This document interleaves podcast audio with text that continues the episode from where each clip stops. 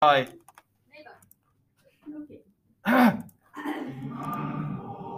Nu får jag helt i fel. Härligt sången klingar och älskat modersmål.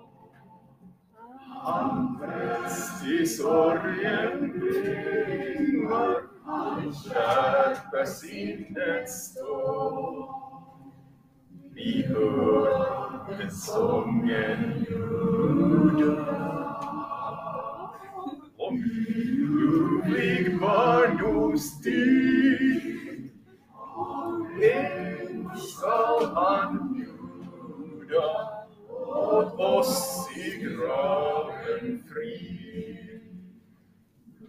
Tjäna som vårt bästa korp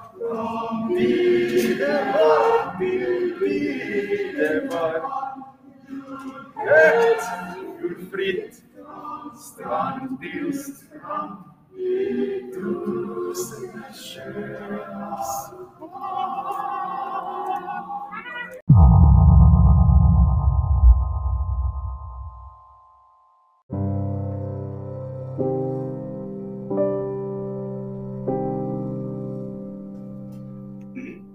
Det är det sista veckoslut. Det var en gång ett hot mot samhället som hette Solvot. Han var en seriemördare som dödade sina offer genom att slå dem med en flaska desinfektionsmedel. Denna gång var offret den 96-åriga Bertil som var en ninja och såg ut som en solkig strumpa.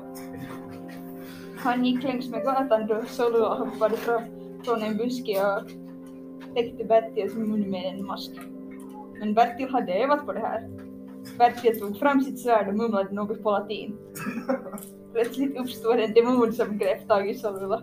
Men demonen var inte vem som helst, det var Dr. Phil. Demonen började avrätta offret.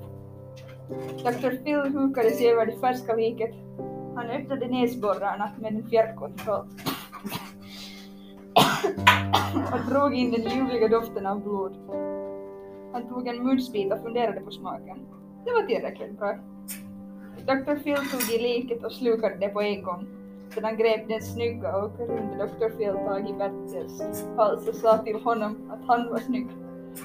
Bertil gav Dr. Phil en saftig kyss på Dr. Phils högra armhåla. Men Dr. Phil var inte där mera. Istället fanns det fem muskulösa dvärgar ditt verket. Dvärgarna tog fram sina vassa knivar och började förstöra verkets eleganta kläder.